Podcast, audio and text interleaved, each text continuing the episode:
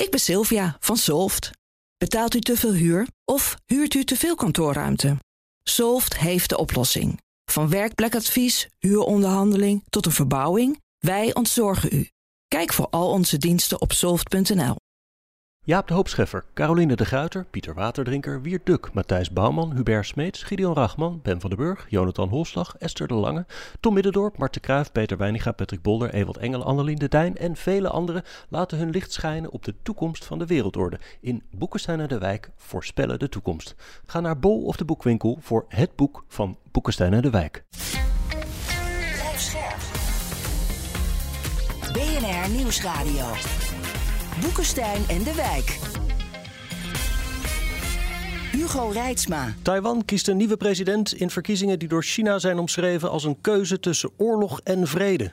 Altijd gezellig bij Boekenstein en de Wijk. Op zoek naar de nieuwe wereldorde met de gast Shoutje Martin, China-onderzoeker bij Instituut Klingendaal. Welkom. Goedemiddag.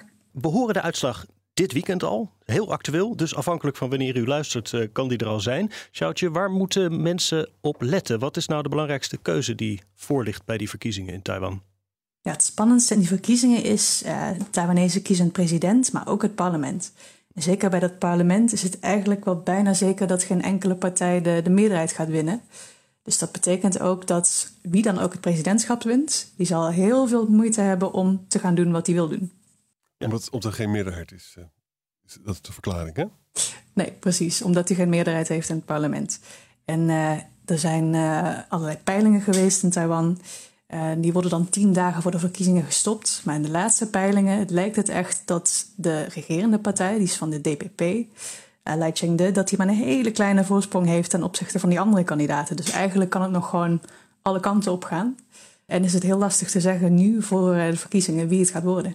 Ja, de DPP en de Kuomintang, dat zijn de belangrijkste partijen. Waarom staat eh, China nu zo op zijn achterste benen? Als ik jou zo hoor, ach ja, er moet een coalitie geformeerd worden. Wat is voor Beijing het, eh, het grote pijnpunt?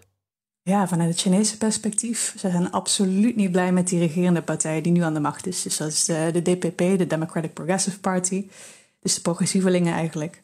Die zijn de laatste acht jaar aan de macht geweest. En hun positie ten opzichte van Beijing is eigenlijk dat ze minder vriendelijk zijn dan, uh, dan die andere partijen die er zijn. Uh, Beijing noemt zichzelf separatist, dus dat ze echt willen afscheiden van China en onafhankelijk willen worden. Dat, dat is niet echt zo in, uh, in de praktijk, maar zo ziet China ze. En daarom zijn ze absoluut niet blij met de DPP en willen ze juist de nationalistische Kuomintang, de KMT heet die.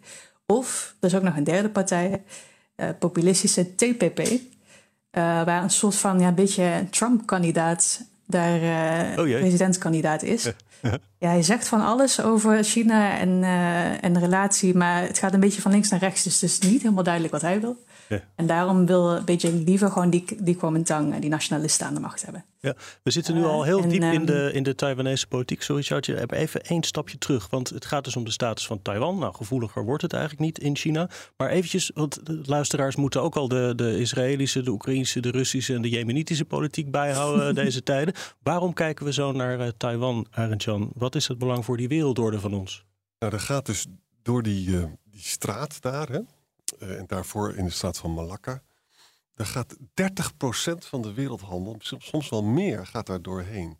Met andere woorden, uh, ik geloof niet zozeer in dat, dat er een bloedige invasie zou komen van China, van Taiwan. Dat, wordt, dat zou een vreselijke eilandhopping worden. Dat, dat, dat is echt heel kostbaar en heel bloedig. Maar wat China echt kan doen, dat hebben ze al mee geoefend, is gewoon een economische blokkade met schepen. Nou, de Rode Zee, waar we veel over praten, is 15% van de wereld. Dit is het dubbele. Hm. Dat betekent als de, de Chinezen dat echt zouden doen, en niets weerhoudt ze er eigenlijk van, hoewel ze zich er zelf ook mee schaden, dan, ja, dan storten alle beurzen in de wereld in. En ik denk zelf, en dan wil ik graag horen wat Sjoutje daarvan denkt. Ik denk als dat echt zou gebeuren, hè, dat wij dan, dan komt er gelijk een congres, een grote bijeenkomst, en dan, dan geven we Taiwan weg. Omdat we gewoon totaal verslaafd zijn aan die wereldhandel. Ja, als je er zo in staat, dan is het gevaar dat het een beetje zo'n self-fulfilling prophecy wordt. Dus uh, hmm. dat het dan ook zo gaat worden. Ook nog even goed om te noemen, zoals jij zelf al zegt, dus het is echt een extreem scenario. Ja. Dat zou kunnen gebeuren. De waarschijnlijkheid is iets minder groot. Uh, waarschijnlijk is uh, dat China heel langzaam die druk blijft opvoeren. Ze willen liefst nog steeds gewoon vreedzame hereniging met Taiwan. Dus Taiwan uh, overhalen om bij het, het, moederland in de armen te komen. Mm Taiwanese hebben daar niet echt zin in. Uh, dus je ziet China inderdaad steeds meer militaire druk gebruiken, uh, economische druk met sancties. Maar ook zo'n economische blokkade, die is ja, logischer zou het zijn dan een oorlog. Maar ook dat is nog echt een extreem scenario.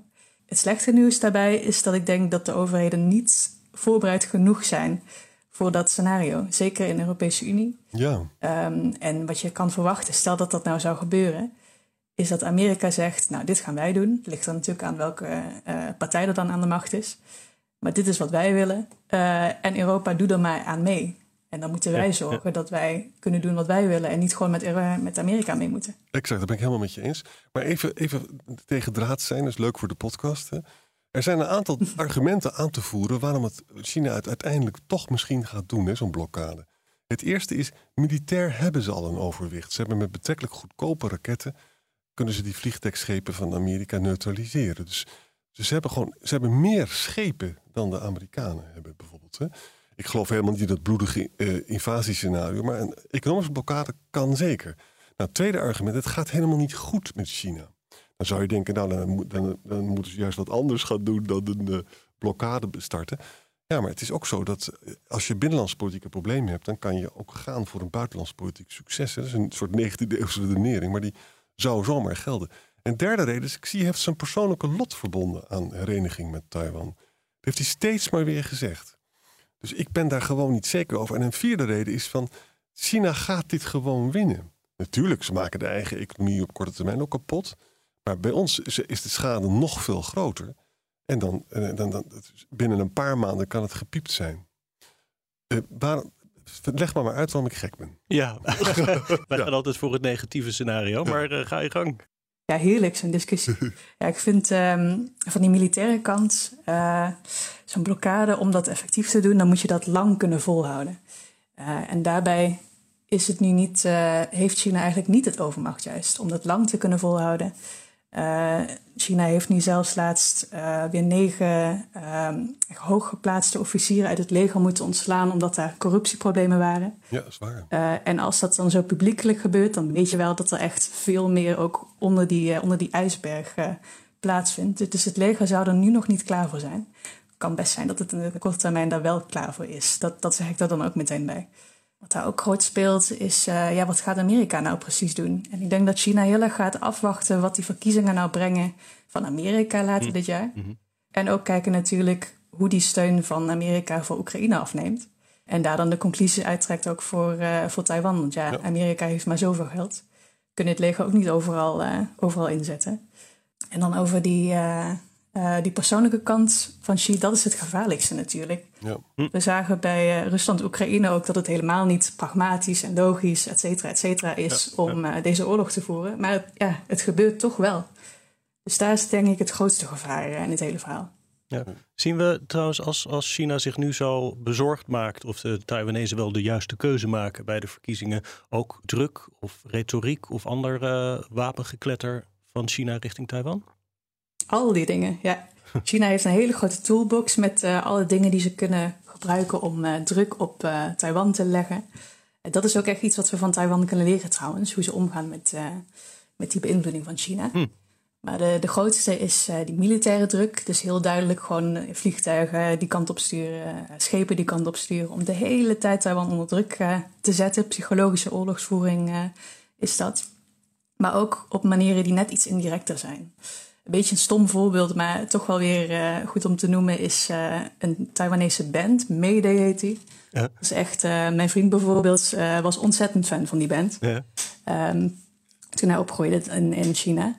En um, die band die toert dus en in Taiwan en in China. En die moet allebei een beetje tevreden houden om, om daar geld te kunnen verdienen. Ja. Oh ja. Um, nu is die band veel in China geweest. En nu zijn ze opeens onder uh, onderzoek in China omdat ze geplaybacked hebben. Wat niet mag in oh China als je voor een betalend publiek staat. uh, en in de praktijk doet bijna iedereen natuurlijk gewoon playbacken. Dat, dat slaat helemaal nergens op. Okay. Maar het verhaal is dus bij deze uh, band dat ze onder druk waren gezet door China om positief over China te zijn. zich daarover positief uit te laten. En dat wilden ze niet. En nu worden ze gestraft met zo'n onderzoek net voor de verkiezingen. Dus de druk is zelfs muzikaal van aard. Eerst eventjes uh, het BNR onvermijdelijke jingletje. Radio. Dat altijd halverwege dit programma komt. En de Wijk. En waarin wij zeggen op zoek naar de nieuwe wereldorde. Dit is Boekenstein en de Wijk. En het programma is natuurlijk niet zonder Arjan Boekenstein en Rob de Wijk. Alleen nu even wel, want Rob is in het buitenland. Mijn naam is Hugo Reitsma en we praten met Shoutje Martin van Instituut Klingendaal... over de verkiezingen in Taiwan en de wereldorde. En ik wil eigenlijk eventjes teruggrijpen op iets wat jij eerder zei, Shoutje... over van ja, het, het, het zou heel extreem zijn, zo'n zo'n blokkade of een invasie van uh, Taiwan. Het zou ook hoogst onverstandig zijn, zeg jij, Arjan. Maar ja, eigenlijk, dat, dat hoor je dan al meteen, dat, dat doet al meteen een beetje denken aan het Oekraïne-scenario en Poetin. Dat het onverstandig is, wil niet zeggen dat het niet gebeurt, hebben we geleerd. Ja, daar ben ik dus ontzettend bang voor. Daar ben ik echt, en ze hebben ook geoefend ermee. Hè?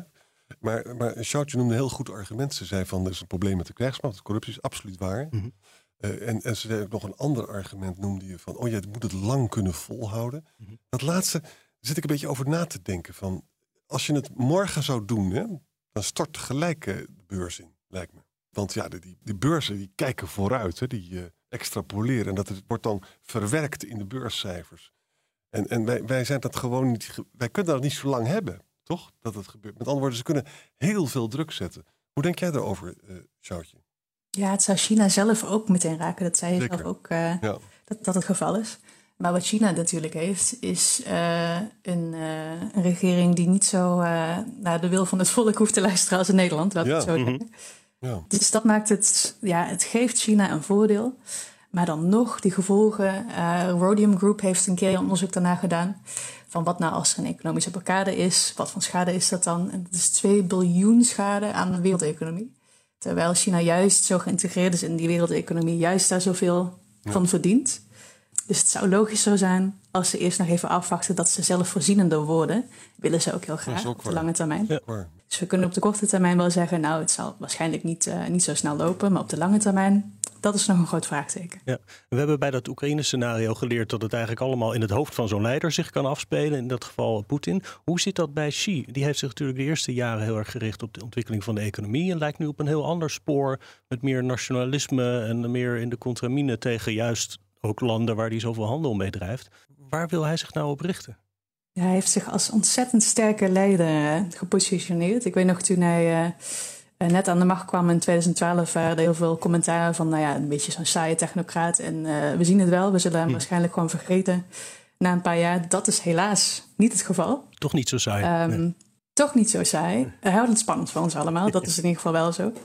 Uh, degene die ook wat dieper in zijn psyche willen duiken. Mijn collega Ties Dams heeft een heel leuk boek geschreven over uh, ja, Xi Jinping, dus een biografie. Waarin hij ook ingaat op uh, de jeugd en ja. hoe dat beïnvloedt hoe hij nu denkt. Um, dat even als een kleine promo. Hm. Um, maar hoe Xi denkt is het belangrijkste is stabiliteit en macht voor de communistische partij. En alles eigenlijk, ook economische ontwikkeling, de wil van het volk valt daaronder. En dat kan dus heel erg beïnvloeden hoe hij dan ook naar Taiwan kijkt.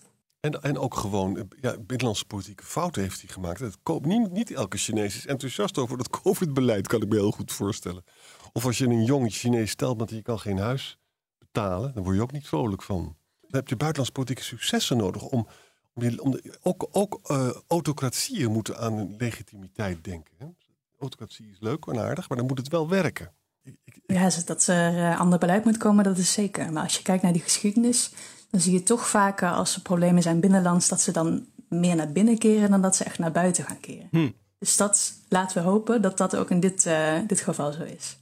Ik vind dat punt van die, die jeugdwerkeloosheid ook nog een leuke. Ja. Of een interessante. Leuk is het niet, uh, moet ik zeggen. 60 procent. noemen, maar ik was. Uh, ja, nou, er zijn niet eens statistieken meer. die worden niet meer gepubliceerd. Nee. Dus dat zegt ook al veel. Want uh, dat, dat wil natuurlijk. China wil niet dat dat uh, lekker in de media komt. Hoeveel werkeloosheid er nou nu is. Maar dat die groot is, dat is wel duidelijk. En ik was ook laatst in China weer in augustus. Waarbij ik met allerlei professoren ook heb gesproken. En met mensen van de overheid. En als je het dan over dit soort gevoelige onderwerpen hebt. bij jeugdwerkeloosheid, dan is het het antwoord van ja. Mensen moeten gewoon wat harder werken. En zo, ja, zo Oh, zit ja. het natuurlijk helemaal niet. Maar dat is gewoon een complete ontkenning van, van de realiteit, uh, hoe dat dan gaat. Ik heb daar een vraag over. Die heb ik aan de NOS-correspondent in China ook gesteld. Weet je, heel vaak hoor je professoren zeggen van het is een collectieve mentaliteit. Hè? Vraag niet wat jij voor jezelf kan doen, maar wat doe je voor het land en zo. En daardoor kunnen de Chinezen veel meer accepteren van de regering. Nou, die NOS-correspondent die vindt dat gewoon onzin. Ook Chinezen willen gewoon een baan. Die willen gewoon geld verdienen. Die willen goed verzorgen voor hun kinderen en voor hun hm. partner. Hoe, hoe sta jij daarin hm. van? Is het zo dat, is er nog ook steeds uh, vrevel in China... Die, die ook tot een soort tweede hemelse plein uh, demonstratie zou kunnen leiden? Ja, zover, dat wordt natuurlijk lastig. Maar er is zeker uh, ook gewoon ontevredenheid in, in China. Het zijn ook maar gewoon mensen...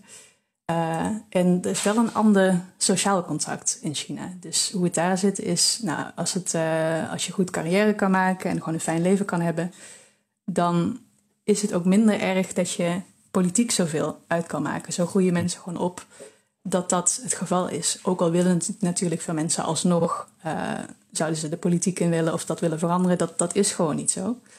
Dus ja, wat je eerder al zei, de communistische partij moet zorgen dat die, die bevolking tevreden blijft. Dus bijvoorbeeld door het zorgen van, uh, voor economische groei. Maar als het niet zo is, hebben ze ook heel veel tools om te zorgen te lijken eigenlijk dat het niet zo is. Dus uh, ja, staatsmedia natuurlijk, er wordt ontzettend veel gecensureerd in China. Dus je houdt een beetje het mooi weer plaatje vol. En hetzelfde gebeurt bij Taiwan, uh, bij de economie, bij COVID ook. Ja, het is een hele andere realiteit die wordt voorgehouden in ieder geval. en als je je best doet in China, kan je natuurlijk wel gewoon ook buitenlands nieuws krijgen. Maar dat is een hele barrière waar je dan eerst overheen moet springen. En heel veel mensen die doen dat niet. Ja. De Financial Times berichtte deze week dat president Biden vlak na de verkiezingen een hoge delegatie naar Taiwan wil sturen. Daar zal Beijing vast ook weer niet zo heel blij mee zijn. Ik weet niet aan wie ik dit het best kan vragen, maar waarom doen de Amerikanen dat? Waarom het zo op het spits drijven? Nou de Amerikanen hebben natuurlijk van ouds hebben ze een Taiwan-beleid. Ze hebben dus in 1971 heeft niks aan die opening naar China gedaan, waarbij dus uh, China uh, erkend is als, als het enige en echte China. En ook de Amerikanen steunen het One China policy. Maar ze hebben ook altijd, en met, met een zekere ambiguïteit, Taiwan verdedigd. Hmm. En politiek zitten, zitten ze daar natuurlijk ook zwaar in. En die ambiguïteit is natuurlijk nu allemaal weer wat uh, minder geworden. Omdat Biden zelf op persoonlijke titel bijna gewoon gezegd heeft van... als ze het aanvallen, dan zullen we Taiwan beschermen. Waarbij de diplomaten enorm schrokken toen dat gezegd werd. Want het is natuurlijk wel een one-China policy. Dus alles staat met elkaar op gespannen voet. Nou, nu stuurt Biden een hele hoge delegatie met notabene Stephen Hadley erin. Dat, dat was een, hm. grote jongen van de National Security Advisor van de Republikeinen. Hè? Hm. En de andere is een democraat, James Steinbeck. Ze doen het altijd uh, twee, van twee partijen, hè? bipartisan. De Chinezen nemen dat heel slecht op. Hè? Sjoutje, dat, dat, dat, dat, überhaupt. De Chinezen vinden, hebben een standpunt dat Amerika mag gewoon helemaal geen contact met Taiwan hebben. Dus dat, gaat wel heel ver. Vind je niet? Ja, ja, zij zeggen vanuit de Chinese kant van, nou, je hebt een één-China-beleid en dat betekent helemaal geen contact met die Taiwanese. En uh, Amerika die knikt dan en die zegt, nou, we doen het toch gewoon. Alleen dan net uh, op de manier dat het net niet te veel problemen veroorzaakt. Bijvoorbeeld uh, dat er geen meetings in Washington plaatsvinden, maar in New York of uh, In, in Florida. Uh, in plaats van in, in de politieke hoofdstad. Maar uh, ja, die Amerikanen die hebben. dat wordt nog wel lastig natuurlijk. Ze hebben hun eigen verkiezingen die eraan komen. Ja. en meestal zie je in de aanloop van de verkiezingen dat China-bashing, dus lekker anti-China zijn, dat dat erg populair is. en dat dat goed werkt bij de, bij de bevolking om stemmen te winnen. Je ziet nu de Democraten en de, de Republikeinen, die zijn een beetje, ja, China is nog bijna het enige waar ze het over eens zijn. Ja. Uh, dat er meer tegen China moet gebeuren. Dus dat zal ook wel weer voor spanningen zorgen uh, de komende paar maanden. Ja, en als we nou een beetje uitzoomen van de spanningen tussen China en Taiwan naar de spanningen tussen China en de VS, met Taiwan natuurlijk dan als snel als, uh, als mikpunt of als middelpunt daarvan. Ik had de indruk dat die relatie juist een beetje aan de beterende hand was de afgelopen nou, Dat zeg je heel terecht. Hè? Van, uh, als je met Amerikaanse professoren sprak een half jaar geleden en ook generaals, dan waren ze heel erg bezig. Nou, die oorlog is onvermijdelijk. Hè? En op een gegeven moment zag je Yellen uh, zat het rempedaal indrukken. Hm. Biden zelf ook. Ook een aantal Amerikaanse hoge diplomaten. En ook aan de Chinese kant. We hebben die bijeenkomst in, uh, waar was het, in Californië gehad. Dus ik zie in Biden, waar echt duidelijk een beetje het rempedaal werd ingedrukt. Ik, waar ik bang voor ben, maar misschien dat ik gek ben, is dat tijdens die Amerikaanse presidentsverkiezingen uh, de Republikeinen natuurlijk de kaart zullen spelen dat Biden soft is. En dat ze daarmee dus. Weet je nog hoe hysterisch reageerden de Republikeinen met die ballon-incident? Uh, ja, ja. En dat gaat dan druk op Biden opvoeren om nog een agressiever beleid te voeren. Hoe zie je dat, uh, Sjoutje? Ja, helemaal mee eens. En laten we hopen dat hij dat zoveel mogelijk uh, kan vermijden. Um, maar ik, ik, ben benieuwd wie het gaat winnen ook, de verkiezingen in Amerika. Ja. Uh, de Taiwanese die waren een tijdje echt blij met Trump. Want toen Trump de, de president was, werd hij eens een keertje gebeld door de Taiwanese president. En toen nam hij gewoon op, terwijl dat natuurlijk helemaal niet mag, slash de bedoeling is volgens het één China-beleid. Hm. Dus die Taiwanese dachten, nou, daar hebben we eigenlijk best wel een win in, in Trump. Dus het perspectief van Taiwan ten opzichte van wie ze liever hebben, dat is ook niet helemaal duidelijk, nou precies wat ze willen. Maar vanuit het, het geopolitieke plaatje is stabiliteit beter. En dat is dan toch weer onder, de, onder Biden in plaats van Trump. Hoewel dus de Bidense China-beleid was minstens zo agressief als uh, de Trump, hè? Ja, het heeft een ander gezicht, maar het gaat toch dezelfde richting uh, op, helaas voor China. Ja. En uh, hoe raar voor Taiwan, denk ik. Ja. Uh, tot slot, Sjoutje, uh, je zei eerder dat Europa er niet bepaald klaar voor is, mocht het misgaan bij Taiwan. Daarvan denk ik ook, waar hebben we dat eerder gehoord? Een Europa dat ergens niet klaar voor is. Maar blaast Europa ook een deuntje mee nu in, in deze politiek rondom Taiwan? Of staan we daar een beetje naast? Nou ja, voor Europa is het vooral kijken wat er gebeurt. In plaats van echt beïnvloeden zoals China dat doet, mm. laat ik het zo zeggen. Maar deze verkiezingen zijn natuurlijk ook voor Europa belangrijk. Een heel concreet voorbeeld is die chipsindustrie. Ja. Uh, er is, uh, is allerlei overleg over dat uh, Taiwans chipbedrijf TSMC misschien wel een fabriek in Europa gaat bouwen. Hm. waar Europa heel erg blij mee is. Want onze halfgeleiderindustrie, onze chipindustrie, die kan nog wel een steuntje gebruiken, hm. zeg maar. En die politieke partijen in Taiwan die hebben eigenlijk een andere mening over of dat nou wel of niet een goed idee is. Dus die regerende partij, die is daar natuurlijk voor. Maar stel nou dat de, de nationalistische Kuomintang wint. Die zegt juist van we moeten minder fabrieken in het buitenland bouwen, zodat andere landen afhankelijk van ons blijven. Ah, ja. Uh, dus voor, ook voor Europa is er, zo'n heel concreet belang bij wie er nou precies gaat winnen bij die verkiezingen. Is dat wat je wel eens uh, hoort genoemd het Silicon Shield? Dat de Taiwanese denken, zolang wij die onvervangbare chipfabriek van TSMC hebben, dan kan China ons niet binnenvallen? Ja, dat is een precies de Silicon Shield. En uh, het is een hele belangrijke factor, maar het is ook helaas niet het enige waar Taiwan op kan rekenen om uh, de steun van andere landen te hebben. dus Taiwan moet ook gewoon meer investeren in het eigen leger om te zorgen dat het een beetje nog de broek kan ophouden. Ja. Klinkt ook een beetje zoals Europa eigenlijk, uh, als ik het zo zeg. Ja, je hoort veel echo's in al die verschillende conflicten. En ook nog het concrete punt, als je toch al geen TSMC-chips krijgt, dat krijgt China niet, dan is het dus een blokkade of zo is een groot probleem voor Europa en Amerika, maar niet zozeer voor China. Of zie ik dat fout? Nou ja, er komen toch wel veel chips van, uh, die naar China gaan, die komen uit Taiwan. Maar dat zijn, Alleen, dat, dat zijn de dommere. geen uh, fabriek. Ja, maar dat zijn de dommere chips, zijn dat, hè? En, en daar zijn ja, alternatieven voor. Die uh, niet zo klein zijn. Op de radio ronden we af. In de podcast gaan we maar door met luisteraarsvragen. Luistert u op de radio, dan verwijs ik naar boekensteinendewijk.nl of uw favoriete podcast-app. Um, oh, misschien hebben we een beetje de vraag van Gerard Ratenau al beantwoord. Is het beter voor het Westen als DPP wint of juist niet? Welke koers zou DPP met Lai moeten varen om rust in de relatie met China te brengen? geen onafhankelijkheid dus. Maar ik hoor van jou, Sjoutje, dat dus uh, Europa in elk geval moet hopen dat DPP wint en niet die anderen, want die willen alle chips in Taiwan houden. Ja, vanuit dat perspectief zou het beter zijn dat de DPP gewoon blijft. Ook omdat het, uh, we weten nu wel een beetje welk vlees we in de kuip hebben na die acht jaar. Uh, maar eigenlijk het belangrijkste is stabiliteit. Welke kandidaat nou ook precies wint. Ja. het kan best goed zijn dat als er dus een kandidaat van die andere partij is, dat die ook gewoon goed weet de stabiliteit te bewaren. Uh, gaan we door naar Calculo Ergosom, die het heeft over Rob van Wijk. Nou, laat Rob het maar niet horen. Het is goed dat hij er niet bij is. Die volgens Calculo Ergosom eerder heeft gezegd dat Amerika Taiwan snel zou opgeven als China aan een invasie begint. Ja, jij dacht het ook, uh, Arend Jan. Ja. Um, hij vraagt, wat blijft er dan over van de relatie met Japan, Korea, de Filipijnen, Singapore, et cetera? Ja, kan het Westen dus Taiwan laten vallen zonder alle bondgenoten in die regio niet bezorgd te maken dat de veiligheidsgaranties of bondgenootschap met, uh, met de VS eigenlijk niks waard is. Dat is natuurlijk een heel goed punt. En dat vanuit Vietnamees, Zuid-Koreaans, Japans en Australisch perspectief is een deconfiture van Amerika en de steun van Taiwan rampzalig. Ja. En dat betekent dus ook weer dat Amerika die zit eigenlijk in een hele onmogelijke situatie. Want militair hebben ze het eigenlijk al verloren. Ze kunnen in die straat niks doen vanwege die raketten van China zelf.